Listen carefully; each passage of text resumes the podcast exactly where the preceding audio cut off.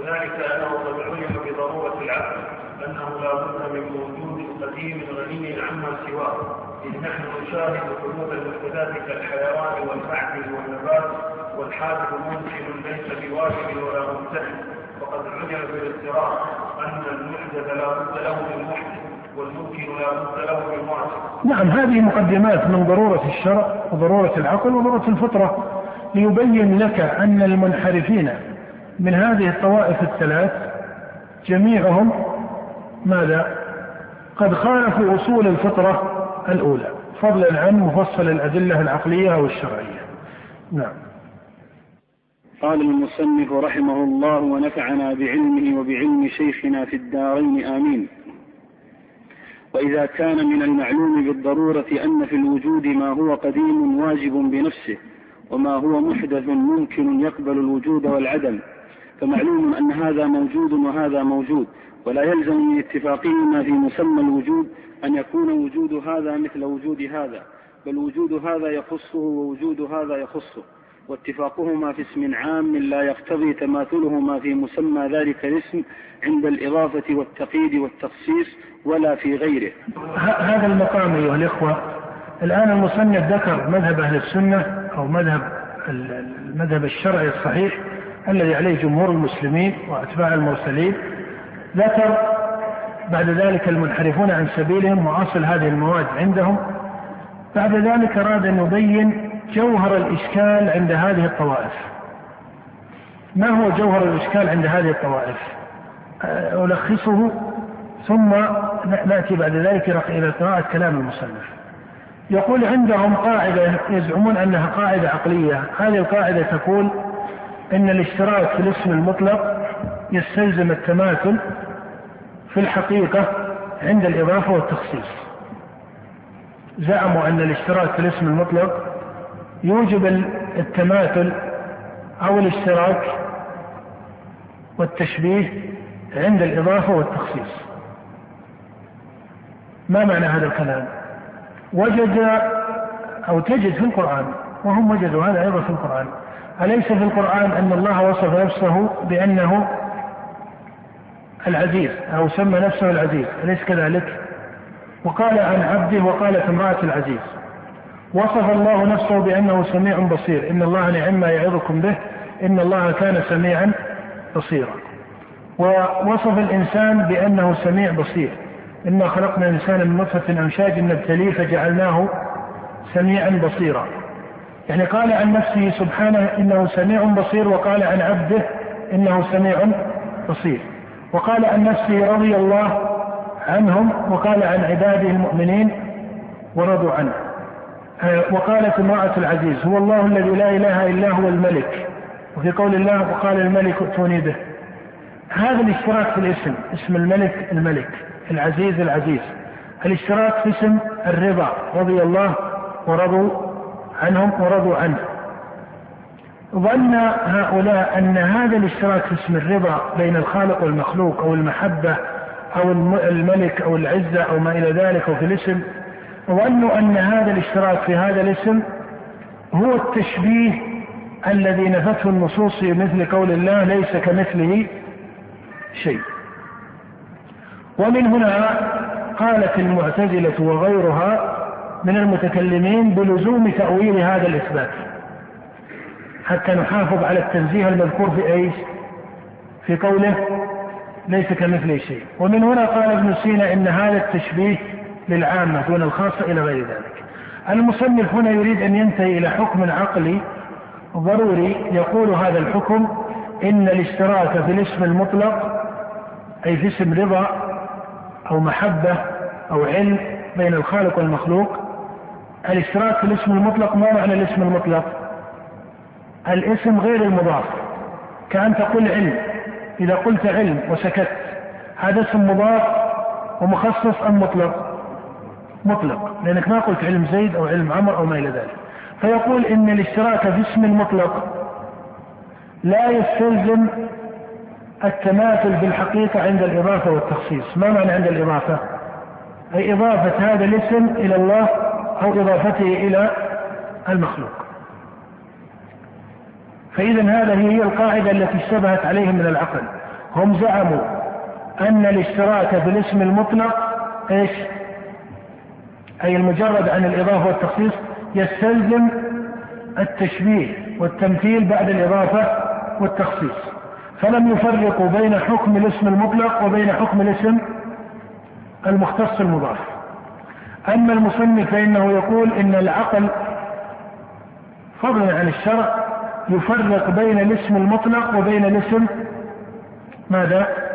المضاف ويقول إن الذي ينزه الباري عنه هو أن يقع بينه وبين شيء من خلقه اشتراك فيما يختص به سبحانه أو يجب له قال وأما أن ثمة اشتراكا في الاسم المطلق فهذا ليس هو التشبيه الذي نفته النصوص في قول الله ليس كمثله شيء. قال ومن الدليل على ذلك أن الله سمى نفسه بأسماء وسمى بها من؟ وسمى ببعض هذه الأسماء بعض المخلوقين من عباده. ووصف نفسه بصفات إيش؟ ووصف ببعض هذه الصفات بعض المخلوقات. هذا الاشتراك الذي حصل اشتراك في الاسم المطلق أو في الإضافة والتخصيص في الاسم المطلق. المصنف هنا لما يكرر لك هذه القاعدة معناه يدفع الجوهر الكلي من الشبهة وهو أن الإشتراك في الاسم المطلق لا يستلزم التماثل في الحقيقة عند الإضافة والتخصيص. كيف يبطلها المصنف؟ يبطلها بطريقتين. الطريقة الأولى أن القرآن ذكر هذه الصفات وسمى ببعضها المخلوقين والقرآن لا يأتيه الباطل من بين يديه ولا من خلفه. والله يقول ولو كان من عند غير الله لوجدوا فيه اختلافا كثيرا فيمتنع أن يكون القرآن نفى التشبيه وإيش؟ وأثبته. وهذا حكم أو رد نسميه ردا إيش؟ شرعيا لأنه يستلزم أن ينسب القرآن إلى التناقض. ولذلك المخالفون ما جوابهم عن هذا. ما جوابهم عن هذه الحجة عند ابن تيمية؟ أحسن جواب أحسن جواب هو زعمهم أن هذا له له تأويل. وإلا ما أحد منهم يقول أنه لا يوجد في القرآن هذا. كلهم يقولون هذا فعلا موجود في القرآن ومشكل في القرآن. لكن قالوا نؤوله. ابن تيمية منع التأويل وأغلقه. لماذا؟ يقول لأنه يشارك طريقة الباطنية من وجه آخر. من أين يشاركها؟ يقول من الإشكال الأكبر عنده أن تجعل للآية إيش؟ أن تجعل للآية معنيين مختلفين بل متضادين أحدهما ظاهر والآخر مؤول. حتى لو قلت إن كلاهما ظاهر أو كلاهما باطل ليست القضية إن هذا باطل وهذا ظاهر. الإشكال أن الآية لها معنى ظاهر ولها معنى آخر وهذا الأول تدل عليه كلام العرب والثاني يدل عليه كلام العرب والأول يناقض الآخر. أليس هم يقولون أن الظاهر دلت عليه الحقيقة؟ والباطن دل أو المؤول دل عليه إيش؟ المجاز. والحقيقة والمجاز كلاهما سياق عربي أليس هذا؟ إذا كان كذلك هذا هو وجه الإغلاق عند شيخ الإسلام وترى أنه حكمة بينة في, في هذه المسألة. المهم أن المصنف يرد هنا ردا شرعيا وهذا لا جواب لهم عنه إلا بزعمهم أحسن أجوبتهم أنهم زعموه تأويلا أن له تأويلا ومنهم من زعمه أن هذا للعامة كما يقول ابن سينا ومنهم من لم يرفع بذلك رأسا وفسره تفسيرا رمزيا كما يقول الباطنية وقالوا هذا للعامة من جنس ما يقوله ابن سينا أيضا. هذا نسميه الرد إيش؟ الإبطال الشرعي لقاعدتهم هناك رد عقلي. أنا أقدم بهذا الملخص ثم نقرأ. الرد الشرعي هو الذي سيأتي في الآيات. الرد العقلي من أين؟ من جهة أن المصنف قال إن الاشتراك في الاسم المطلق لا يستلزم التماثل في الحقيقة عند الإضافة والتخصيص بين المخلوقات يقول أنا أثبت عقلا أن الاشتراك في الاسم المطلق لا يستلزم التماثل في الحقيقة عند الإضافة والتخصيص بين إيش؟ بين المخلوقات والمحسوسات فبين الخالق والمخلوق من باب أولى هذا هو الرد. نسميه إيش؟ العقلي. مبني على القواعد العقلية الكلية ومبني على المشاهدات الحسية. سؤال هل الدليل العقلي المبني على الحسيات يكون يقينيا؟ ها؟ أحسنت. إذا بني على الاضطراد الحسي صار إيش؟ يقينيا. كما أن الدليل العقلي إذا بني على الكليات العقلية الضرورية المجردة صار إيش؟ يقينيا فإذا هو بنى دليله على الكليات العقلية الضرورية المجردة وعلى الاضطرادات الحسية. وهذا من باب إذا ثبت يعني لما يثبت هذا الدليل على كليات عقلية ضرورية وعلى اضطراد الحسي هل الدليل يقول على أن الاشتراك في الاسم المطلق لا يستلزم بين الخالق والمخلوق أم يقول بين المخلوقات؟ منتهى الدليل هنا بين المخلوقات نفسها فإذا كان الاشتراك في الاسم المطلق لا يستلزم التماثل عند الإضافة والتخصيص بين المخلوقات نفسها فبين الخالق والمخلوق من باب أولى بل يكون التماثل في الحقيقة بين الخالق والمخلوق عند الإضافة إيش؟ تماثلا ماذا؟ ها؟ ممتنعا أحسنت يكون تماثلا ممتنعا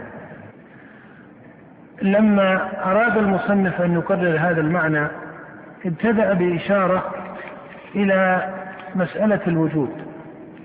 فقال إن الله سبحانه وتعالى موجود وهذه ضرورة يقر بها عامة بني آدم. قال والمخلوق من بني آدم وغيرهم أيضا هو كذلك موجود. فحصل بين هذا المخلوق وبين الاسم الذي ذكر في حق الخالق أو هذه التسمية بالوجود حصل اشتراك فإن هذا المخلوق قال موجود والله سبحانه وتعالى أيضا موجود. فهذا الاشتراك في اسم الوجود هل استلزم أن يكون وجود الخالق كوجود المخلوق أو أن وجود المخلوق كوجود الخالق؟ الجواب لا مع أن هذا وهذا يسمى مع أن الله سبحانه وتعالى يسمى موجودا وهذه المخلوقات تسمى أو يقال عنها إنها موجودة. فاشترك في اسم الوجود وهذا الاشتراك في الاسم لم يستلزم التماثل بعد الإضافة والتخصيص. الاشتراك في الاسم المطلق ما, ما هو الاسم المطلق هنا؟ الوجود. الوجود. هذا اسم مطلق يعني لم يضف إلى الله ولا إلى المخلوقات. وأما بعد الإضافة والتخصيص فإذا قيل وجوده سبحانه وتعالى ووجود مخلوقاته فإن وجوده سبحانه وتعالى غير وجود مخلوقاته. هذا ليس من باب أن الوجود صفة أو ليس بصفة هذه مسألة أخرى. إنما من باب أن سائر المكلفين وسائر بني آدم من المسلمين وغير المسلمين يقرون بوجود الله ويقرون ضرورة عقلية وحسية إلى آخره بوجود المخلوقات فهذا الباب من البدهيات أليس كذلك؟ ولا يمكن لأحد أن يعاضل فيه فنتيجة هذه الإشارة نتيجتها أن هذا الاشتراك باسم الوجود آه، عند الإطلاق لم يستلزم التماثل في الحقيقة بعد الإضافة وإيش؟ والتخصيص وإذا كان الأمر كذلك فالمصنف يريد أن يقول فما الفرق بين الاشتراك في اسم العلم وبين الاشتراك في اسم الحياة وبين الاشتراك في اسم السمع والبصر إلى آخره. بمعنى أنه إذا قيل إن الله موصوف بالسمع والمخلوق موصوف بالسمع لم يلزم أن يكون السمع بعد الإضافة والتخصيص أن يكون سمع الخالق سبحانه وتعالى كسمع المخلوق. فإن قال قائل إنه يلزم قيل فلم لم يلزم أن يكون وجوده إيش؟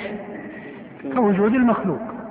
ومن هنا عني المصنف في كتبه المفصلة كدر التعارض وغيرها عني بتقرير مسألة الوجود لأنها تعتبر قاعدة بديهية ضرورية بمعنى أنه حتى المنكر للأسماء والصفات حتى الذي ينكر أو قاعدته غالية تنكر الأسماء والصفات من المتفلسفة أو غلاة المتكلمين.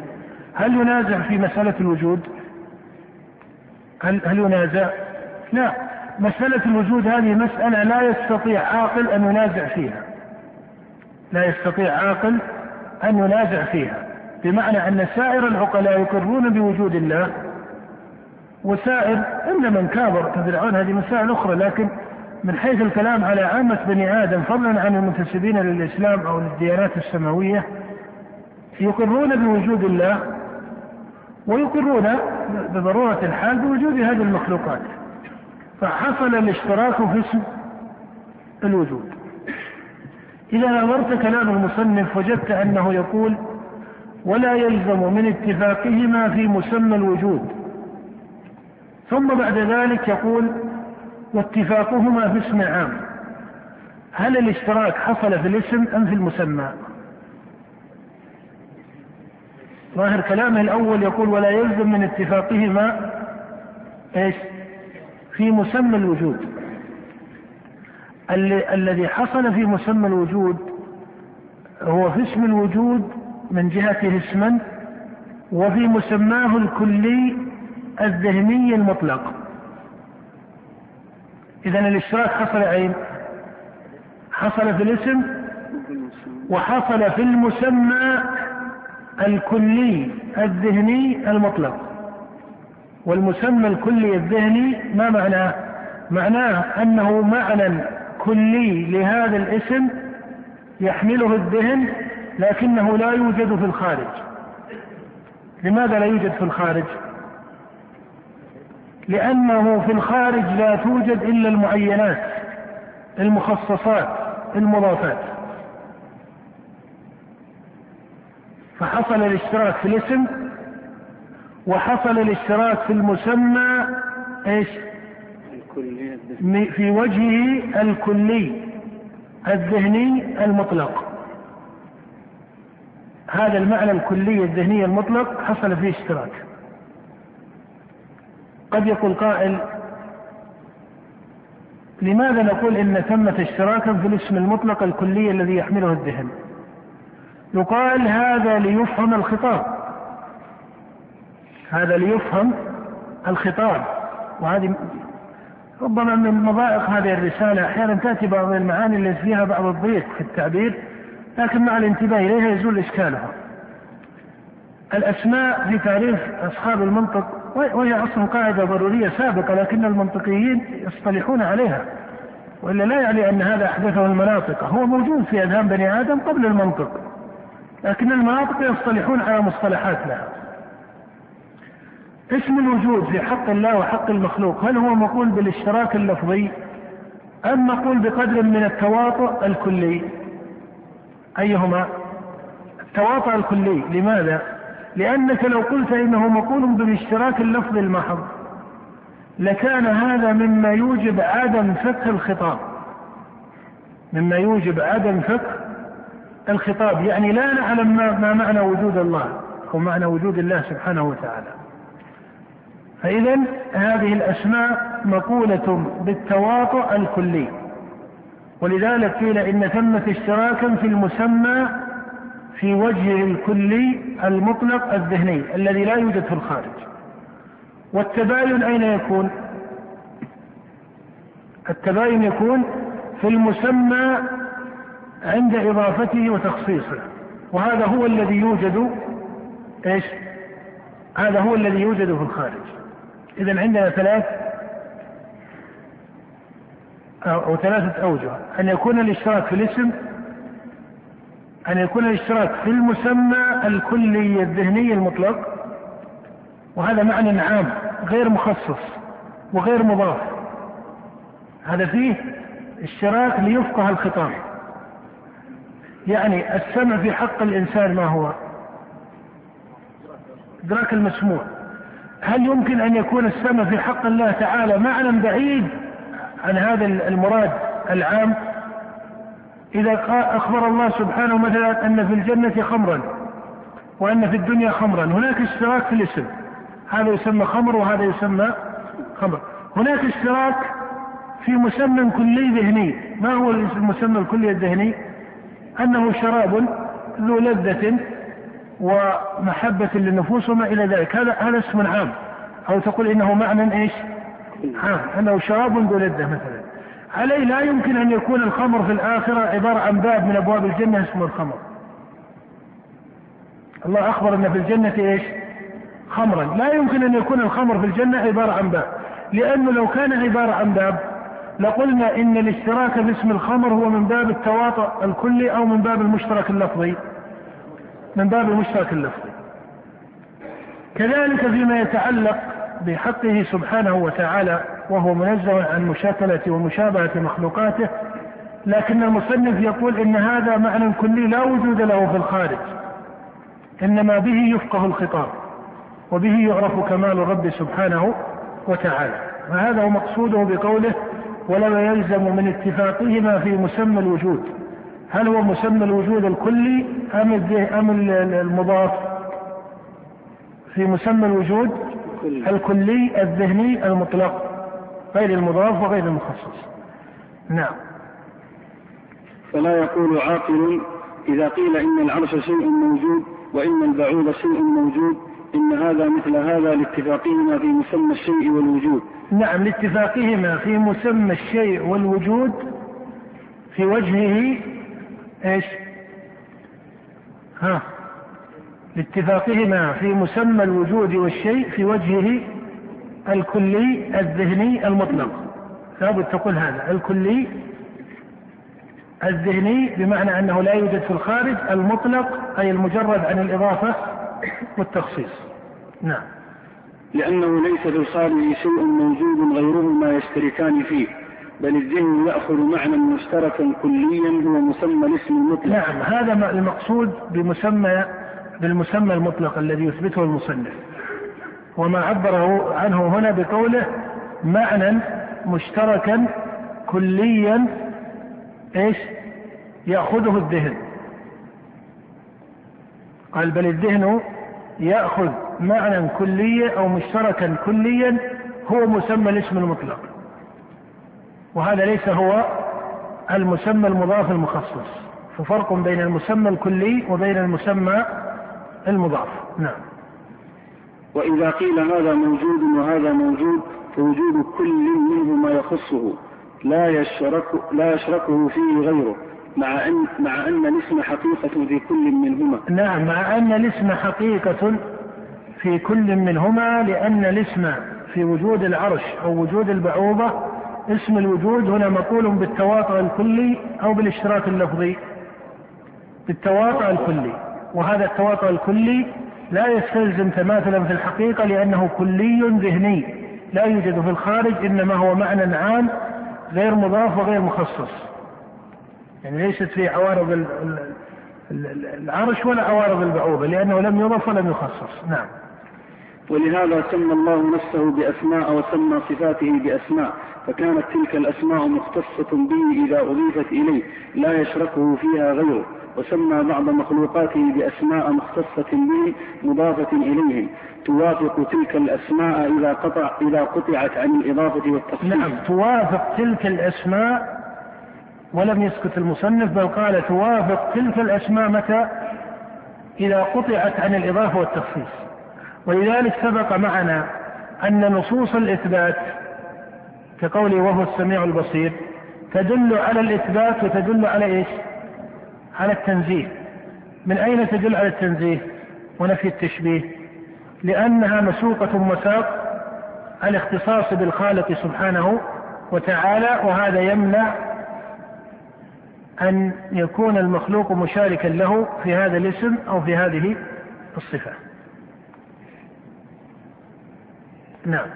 ولم يلزم من اتفاق الاسمين تماثل مسماهما واتحادهما هنا هذا السياق فيه يعني اختلاف في النسخ.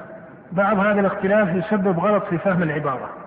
الصواب في قراءتها ولم يلزم من اتفاق الاسمين وتماثل مسماهما واتحاده عند الإطلاق والتجريد عن الإضافة والتخصيص. اتفاقهما ولا تماثل المسمى عند الإضافة والتخصيص. فضلا عن أن يتحد مسماهما عند الإضافة والتخصيص. هذا هو الصياغة الصحيحة للعبارة.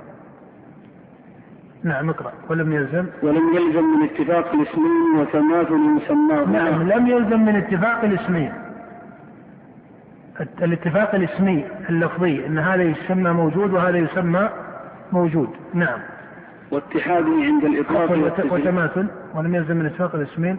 ولم يلزم من اتفاق الاسمين وتماثل مسمى مسم- مسماهما. وتماثل مسماهما أي التماثل الذي نقول عنه إيش؟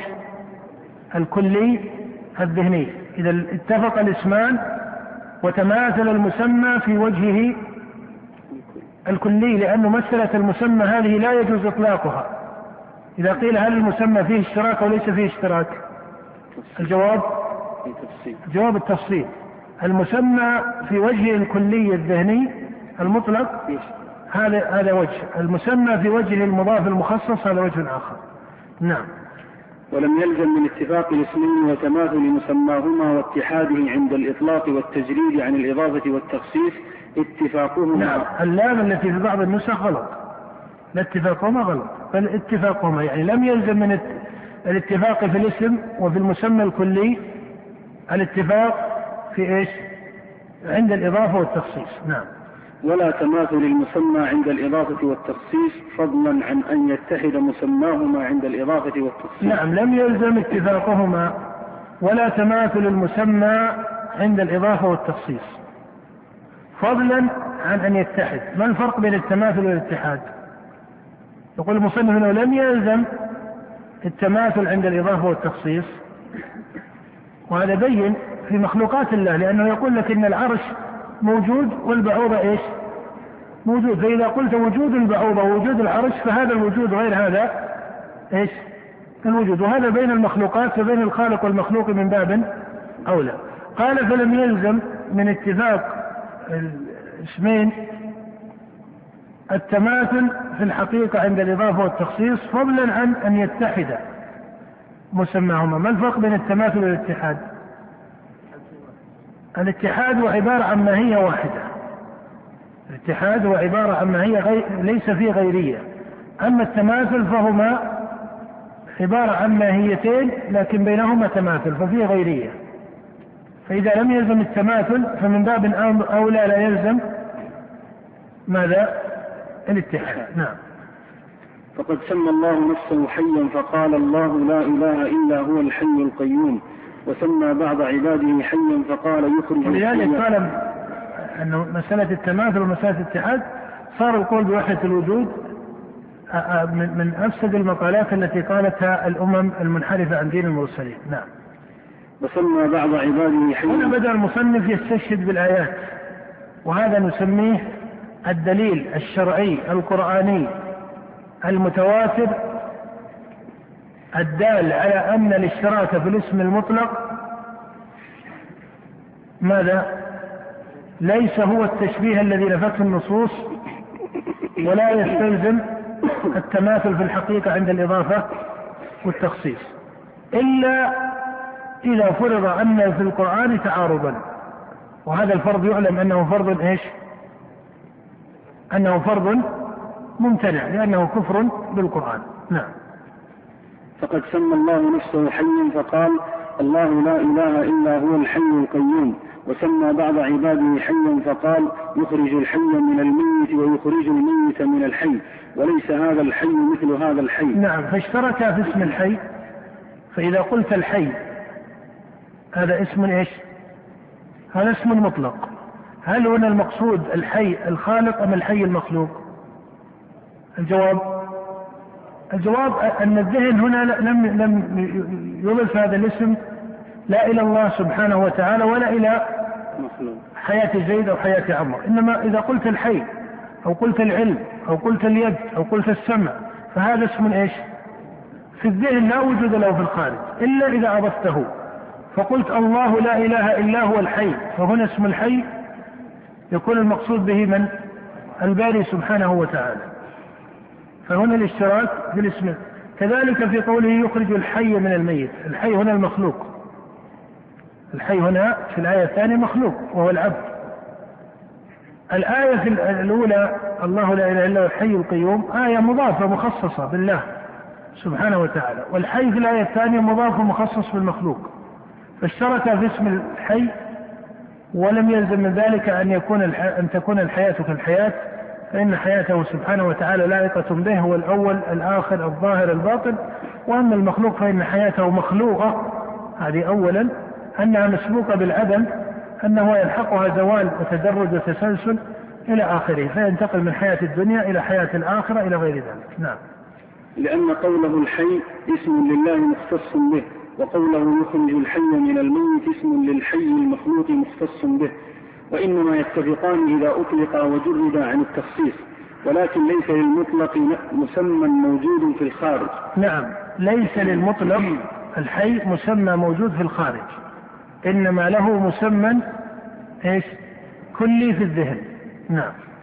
ولكن العقل يفهم من المطلق قدرا مشتركا بين المسميين. نعم هذا هو ما نسميه بالمسمى إيش؟ بالمسمى الكلي المطلق قال ولكن العقل يفهم من المطلق ما هو المطلق؟ إذا قلت حي وسكت ألا يكون هناك السامع هنا سمع حرفا أو كلمة وهي كلمة حي وعقله وعى معنى كليا أليس كذلك؟ هل العقل الآن يفهم إذا قلت حي وقلت سمع وقلت جدار هل يفهم معنى واحد في الأسماء الثلاثة؟ أم يفهم لكل كلمة معنى كلي؟ هذا واضح هذا من بديهيات العقول. فهذا هو المقصود بكلام المصنف أن هذا الكلي العام به يفهم الخطاب. أن هذا الكلي العام غير المضاف به يفهم الخطاب. نعم. وعند الاختصاص يقيد ذلك بما يتميز به الخالق عن المخلوق والمخلوق عن الخالق. والتقييد يكون بالإضافة نفسها. ما يليق بالخالق وما يليق بالمخلوق. قد يقول قال كيف يكون التمييز؟ نقول التمييز بالإضافة. الإضافة وحدها كافية في التمييز. يعني إذا قلت حياة الله سبحانه وتعالى فهذا مجرد أنك أضفت الحياة إلى الله هنا نزهته سبحانه وتعالى عما لا يليق به من عوارض حياة المخلوقين. لأن الحياة هنا أضيفت إلى من؟ إلى الله سبحانه وتعالى وهذا المجرد نعم. ولا بد من هذا في جميع أسماء الله وصفاته.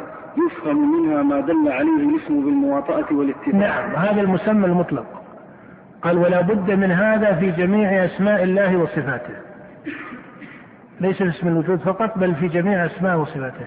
قال يفهم منها ما دل عليه الاسم بالمواطأة. وهنا المصنف مقصوده أن يمنع أن يكون الاشتراك اشتراكا إيش؟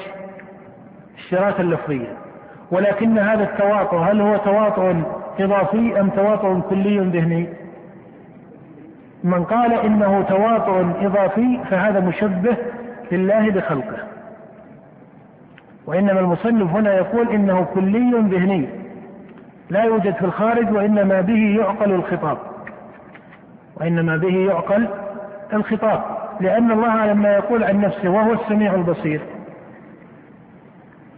والقرآن نزل بلسان العرب. أليس هناك معنى يفهم من لسان العرب؟ معنى كلي عن السمع وعن البصر؟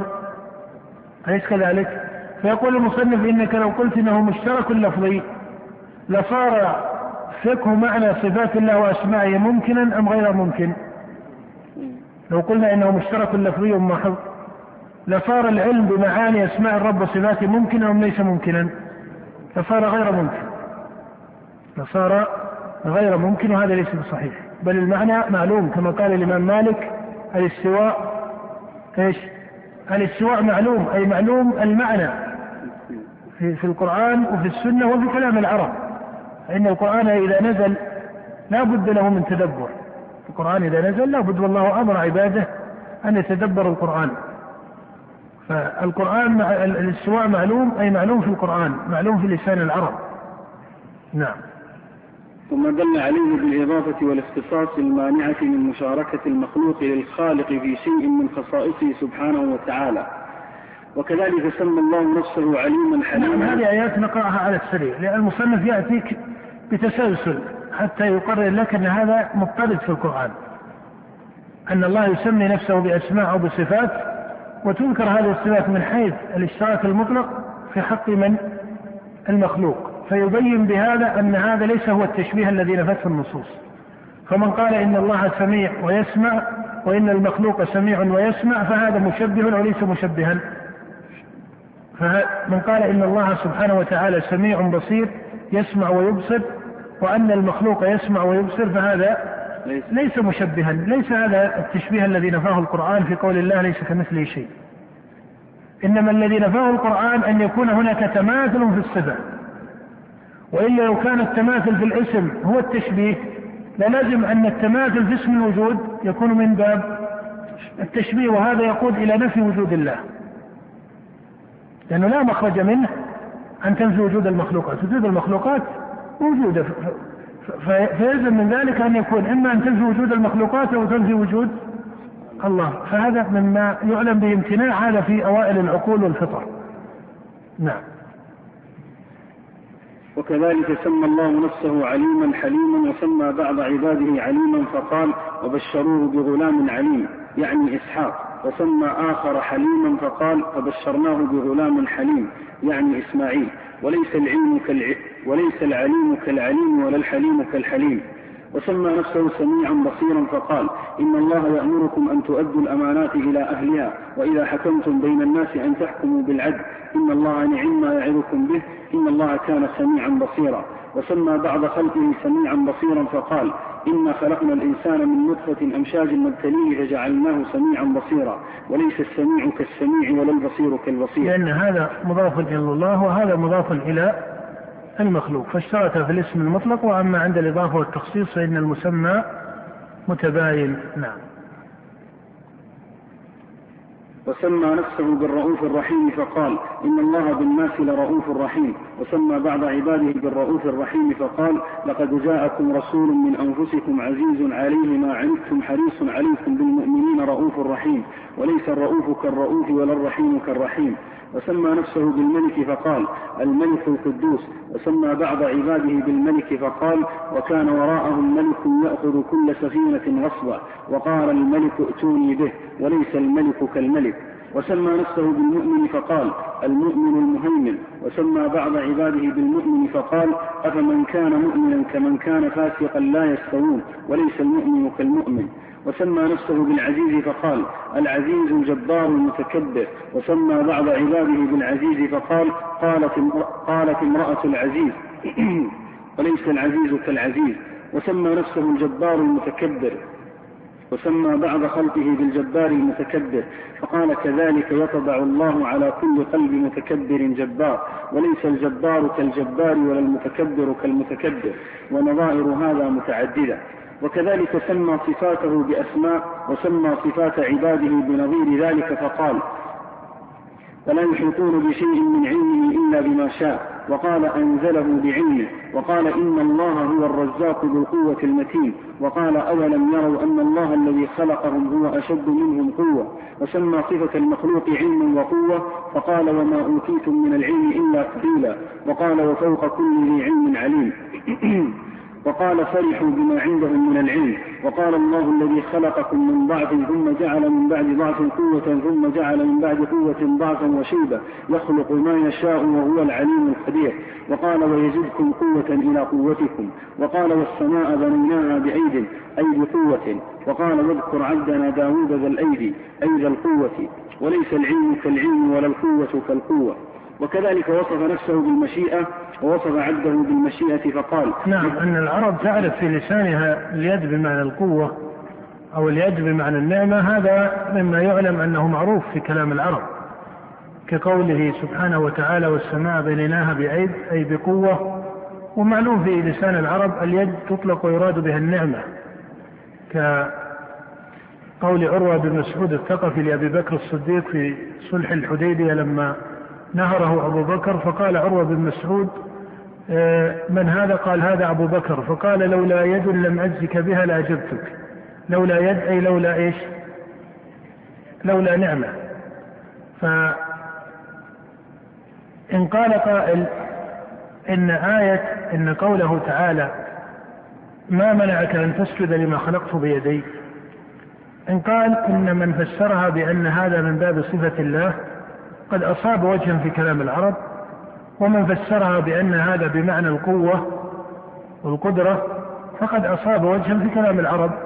فلماذا يقال إن هذا تفسير صحيح وهذا تفسير غلط بدعي؟ مع أنه يقال إن العرب تعرف اليد بمعنى الصفة إذا قالوا أكل زيد بيده فإنهم يريدون إيش؟ أو شرب أو قطعت يده أو ما إلى ذلك. فالمقصود أن العرب تعرف اليد بمعنى إيش؟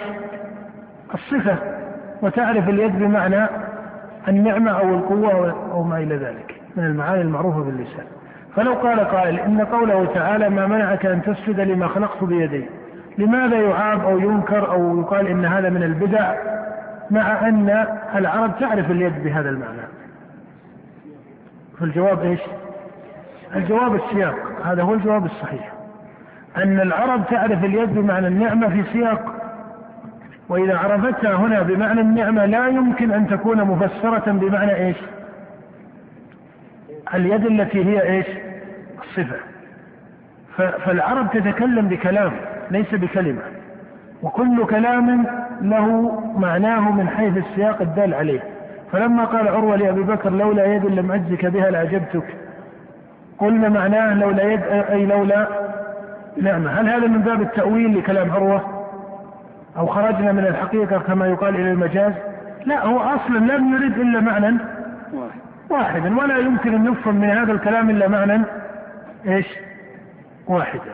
وهذا هو الذي كما أسلفت شعر ابن تيمية يمنع مسألة المجاز أن تكون من عوارض المعاني. لأنه يقول أن العرب إذا فرغ في المثالات المكتوبة في كتب اللغويين المتأخرة مثل رأيت أسدا يخطب يقولون أن المعنى الأول الحقيقي أنك رأيت الحيوان المعروف الأسد قد صعد منبرا من المنابر وجلس يخطب عليه. وأن المعنى المجازي أن رجلا شجاعا يشابه الأسد قد صعد منبرا وجلس يخطب عليه. يقول ابن تيمية المعنى الأول هذا هم فرضوه وإلا ما في أحد يفهم هذا الفهم.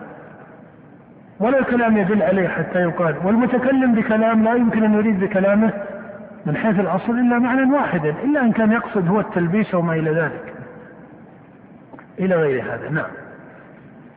وكذلك وصف نفسه بالمشيئة ووصف عبده بالمشيئة فقال لمن شاء منكم أن يستقيم وما تشاءون إلا أن يشاء الله رب العالمين. وقال إن هذه تذكرة فمن شاء هو مسألة السياق كثيرا ننبه إليها. يعني من من أول صفة اليدين في قول الله تعالى ما منعك أن تسجد لما خلقت بيدي وقال إن العرب تعرف اليد بمعنى القوة أو النعمة وما إلى ذلك. قيل نعم العرب تعرفها ولكن لا بد من السياق. فإن قال ما السياق قيل هات من كلام العرب أنهم ذكروا اليد بمعنى النعمة أو القوة أو القدرة في سياق التثنية المضافة. في سياق إيش؟ التثنية المضافة إلى معين. لأن الله يقول ما منعك أن تسجد لما خلقت بيدي فجاء ذكر اليدين هنا مثنات وإيش؟ ومضافة. لا تجد في كلام العرب أنهم يستعملون اليد على غير معنى الصفة إذا جاءت في مثل هذا السياق. ولذلك المصنف عن ابن تيمية في أحد مناظراته في صفة اليدين شرط هذا الشرط فانقطع المخالف له. نعم. وقال إن هذه تذكرة فمن شاء اتخذ إلى ربه سبيلا وما تشاءون إلا أن يشاء الله إن الله كان عليما حكيما.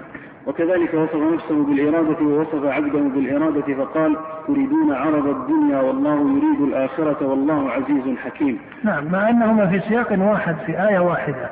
أثبت لنفسه الإرادة سبحانه وتعالى وأثبت لعباده الإرادة ولا يلزم أن تكون إرادتهم كإرادته سبحانه وتعالى. مما يدل على أن هذا ليس هو التشبيه الذي نفته النصوص وليس يلزم منه التطابق في الحقيقة عند الإضافة والتخصيص. نعم. ووصف نفسه بالمحبة ووصف عبده بالمحبة فقال فسوف يأتي الله بقوم يحبهم ويحبونه وقال قل إن كنتم تحبون الله فاتبعوني يحببكم الله. وصف نفسه بالرضا ووصف عبده بالرضا فقال رضي الله عنهم ورضوا عنه. ومعلوم أن مشيئة الله ليست مثل مشيئة العبد ولا إرادته مثل إرادته ولا محبته مثل محبته ولا رضاه مثل رضاه. وكذلك وصف نفسه بأنه يمقت الكفار. وصفهم بالمقت فقال إن الذين كفروا ينادون لمقت الله أكبر من مقتكم أنفسكم إذ تدعون إلى الإيمان فتكفرون وليس المقت مثل المقت. وهكذا وصف نفسه بالمكر والكيد كما وصف عبده بذلك فقال ويمكرون ويمكر الله وقال إنهم يكيدون كيدا وأكيد كيدا وليس المكر كالمكر ولا الكيد كالكيد وصف نفسه بالعمل نعم المكر والكيد هذا من الصفات المقيدة في القرآن. هذا من الصفات المقيدة في القرآن بمعنى أنها إذا ذكرت ذكرت على وفق سياق القرآن. ولا تذكر مطلقة بل يقتدى بسياق القرآن فما ذكره القرآن مطلقا من الصفات كالعلم والحكمة والسمع والبصر ونحوها فإنها تذكر مطلقة وما ذكره الله من صفاته مقيدا فإنه يذكر مقيدا على وفق سياق القرآن اتباعا لكتاب الله في سياقه ومعانيه. نعم. ووصف نفسه بالعمل فقال أولم يروا أنا خلقنا لهم مما عملت أيدينا أنعاما فهم لها مالكون. وصف عبده بالعمل فقال جزاء بما كانوا يعملون وليس العمل كالعمل. وصف نفسه بالمناداة والمناجاة في قوله وناديناه من جانب الطور الأيمن وقربناه نجيا. وقوله, وقوله ويوم يناديهم وقوله وناداهما ربهما. وصف عبده بالمناداة والمناجاة فقال إن الذين ينادونك من وراء الحجرات أكثرهم لا يعقلون. وقال إذا ناجيتم الرسول وقال إذا تناجيتم فلا تتناجوا بالإثم والعدوان وليس المناداة كالمناداة ولا المناجاة كالمناجاة. وصف نفسه بالتكليم في قوله وكلم الله موسى تكليما. وقوله ولما جاء موسى لميقاتنا وكلمه ربه. وقوله تلك الرسل فضلنا بعضهم على بعض منهم من كلم الله. وصف عبده بالتكليم في مثل قوله وقال للملك ائتوني به أستخلصه لنفسي. فلما كلمه قال إنك اليوم لدينا مكين أمين وليس التكليم كالتكليم. وصف نفسه بالتنبئة ووصف بعض الخلق بالتنبئة. فقال وإذ أسر النبي إلى بعض أزواجه حديثا فلما نبأت به وأظهره الله عليه عرف بعضه وأعرض عن بعض. فلما نبأها به قالت من أنباك هذا؟ قال نبأني العليم الخبير. وليس الإنباء كالإنباء. ووصف نفسه بالتعليم وصف عبده بالتعليم فقال الرحمن علم القرآن خلق الإنسان علمه البيان. وقال تعلمونهن مما علمكم الله وقال لقد من الله على المؤمنين إذ بعث فيهم رسولا من أنفسهم يتلو عليهم آياته ويزكيهم ويعلمهم الكتاب والحكمة وليس التعليم كالتعليم وهكذا وصف نفسه بالغضب في قوله وغضب الله عليهم ولعنهم وصف عبده بالغضب في قوله ولما رجع موسى إلى قومه غضبان أسفا وليس الغضب كالغضب وصف نفسه بأنه استوى على عرشه فذكر في سبع آيات من كتابه أنه استوى على العرش ووصف بعض خلقه بالاستواء على غيره في مثل قوله لتستووا على غيره أي على غير العرش نعم. في مثل قوله لتستووا على ظهوره وقوله فإذا استويت أنت ومن معك على الفلك وقوله واستوت على الجودي وليس الاستواء كالاستواء. وصف نفسه ببسط اليدين فقال وقالت اليهود يد الله يد الله مغلولة غلت أيديهم ولعنوا بما قالوا بل يداه مبسوطتان ينفق كيف يشاء. وصف بعض خلقه ببسط اليد في قوله ولا تجعل يدك مغلولة إلى عنقك ولا تبسطها كل البسط وليس اليد كاليد ولا البسط كالبسط. وإذا كان المراد بالبسط الإعطاء والجود فليس إعطاء الله كإعطاء خلقه ولا جوده كجودهم ونظائر هذا كثيرة ونظائر هذا كثيرة في القرآن أن الله سبحانه وتعالى سمى نفسه بأسماء. جاء ذكر هذه أو بعض هذه الأسماء في حق مخلوقاته من بني آدم وجاءت ذكر بعض الصفات في حقه سبحانه وتعالى مضافة إليهم وهذه الإضافة إلى المخلوقين تدل على نقص هذه الصفات في حقهم كما أن الصفة إذا أضيفت إلى الله سبحانه وتعالى دلت على أن هذه صفة كمال مطلق لأن الصفة تبع لموصوفها. فإذا كان الموصوف كاملا من كل وجه فإن الصفة لا بد أن تكون صفة كمال مطلق وهذه هي صفات الله سبحانه وتعالى.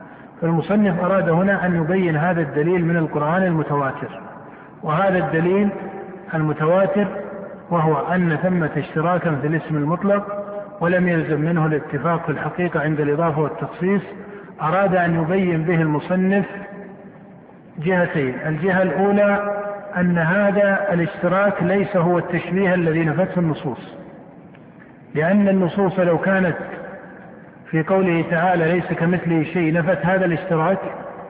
فلزم أن في القرآن ماذا؟ أن في القرآن تناقضا. كيف ينفي الله شيئا ثم يأتي مفصلا بإثباته؟ فلما نفى الله سبحانه وتعالى التشبيه والتمثيل في كتابه بقوله ليس كمثله شيء هل تعلم له سميا؟ إلى غير ذلك دل على أن ما ثبت في القرآن مفصلا من الاشتراك في الاسم المطلق ليس هو التشبيه الذي نفت النصوص. هذا وجه.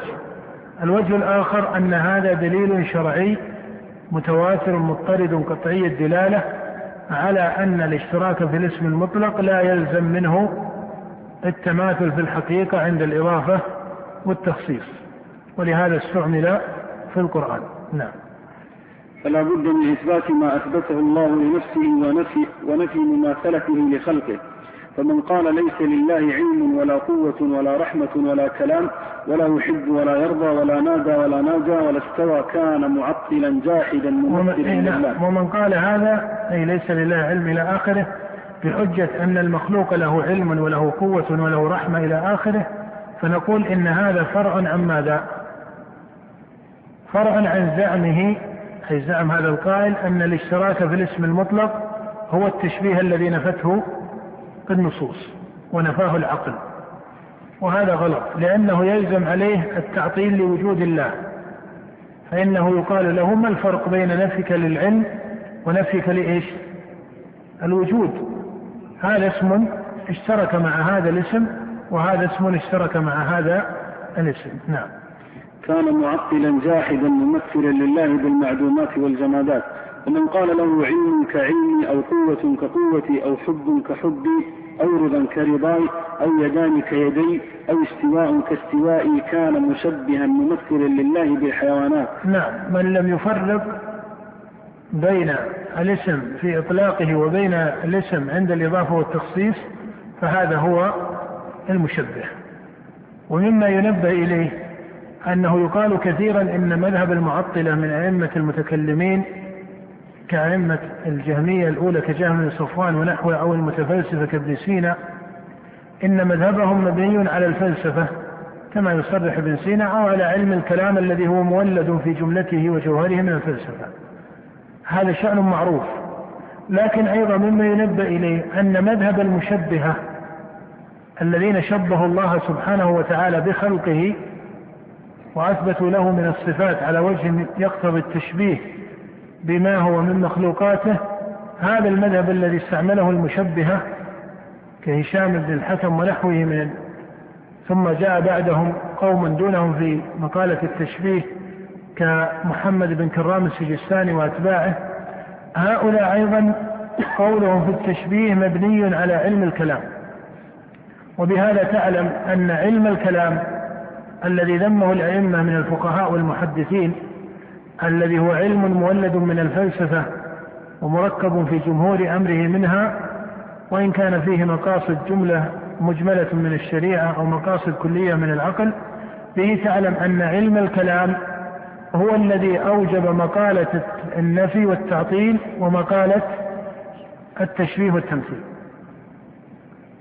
ولا يفهم فاهم أن مقالة المشبهة أو المجسمة كمحمد بن كرام وأتباعه لم تكن على أصول علم الكلام بل محمد بن كرام كان من المتكلمين ومعروف أنه من علماء الكلام المشهورين. بل مما يعجب منه أكثر أن مدار الدليل وهذه مسألة فيها تطويل لكن نشير إليها اختصارا أن مدار الدليل الذي به نفت المعتزلة الصفات وبه نفى متكلمة الصفاتية صفات الفعل وبه أثبت محمد بن كرام التجسيم الدليل عند هؤلاء وهؤلاء وهؤلاء من المتكلمين دليل إيش؟ دليل واحد وهو ما يسمونه دليل الأعراض وهو ما يسمونه دليل الأعراض فإن الأدلة العقلية التي بنى عليها المنحرفون في صفات الله سبحانه وتعالى عن منهج الصحابة وسموها أدلة عقلية هي أدلة ثلاثة في الجملة. هذه الأدلة الكبرى الكلية. إما دليل الأعراض ما يسمونه دليل الأعراض وهو الدليل الذي غلب على طوائف المتكلمين من المجسمة أو النفاة وإما دليل التركيب وهو الذي يستعمله ابن سينا وأمثاله من المتفلسفة. وإما دليل التخصيص وهو الذي اشتغل به المتأخرون من متكلمة الصفاتية كعب المعالي وغيره.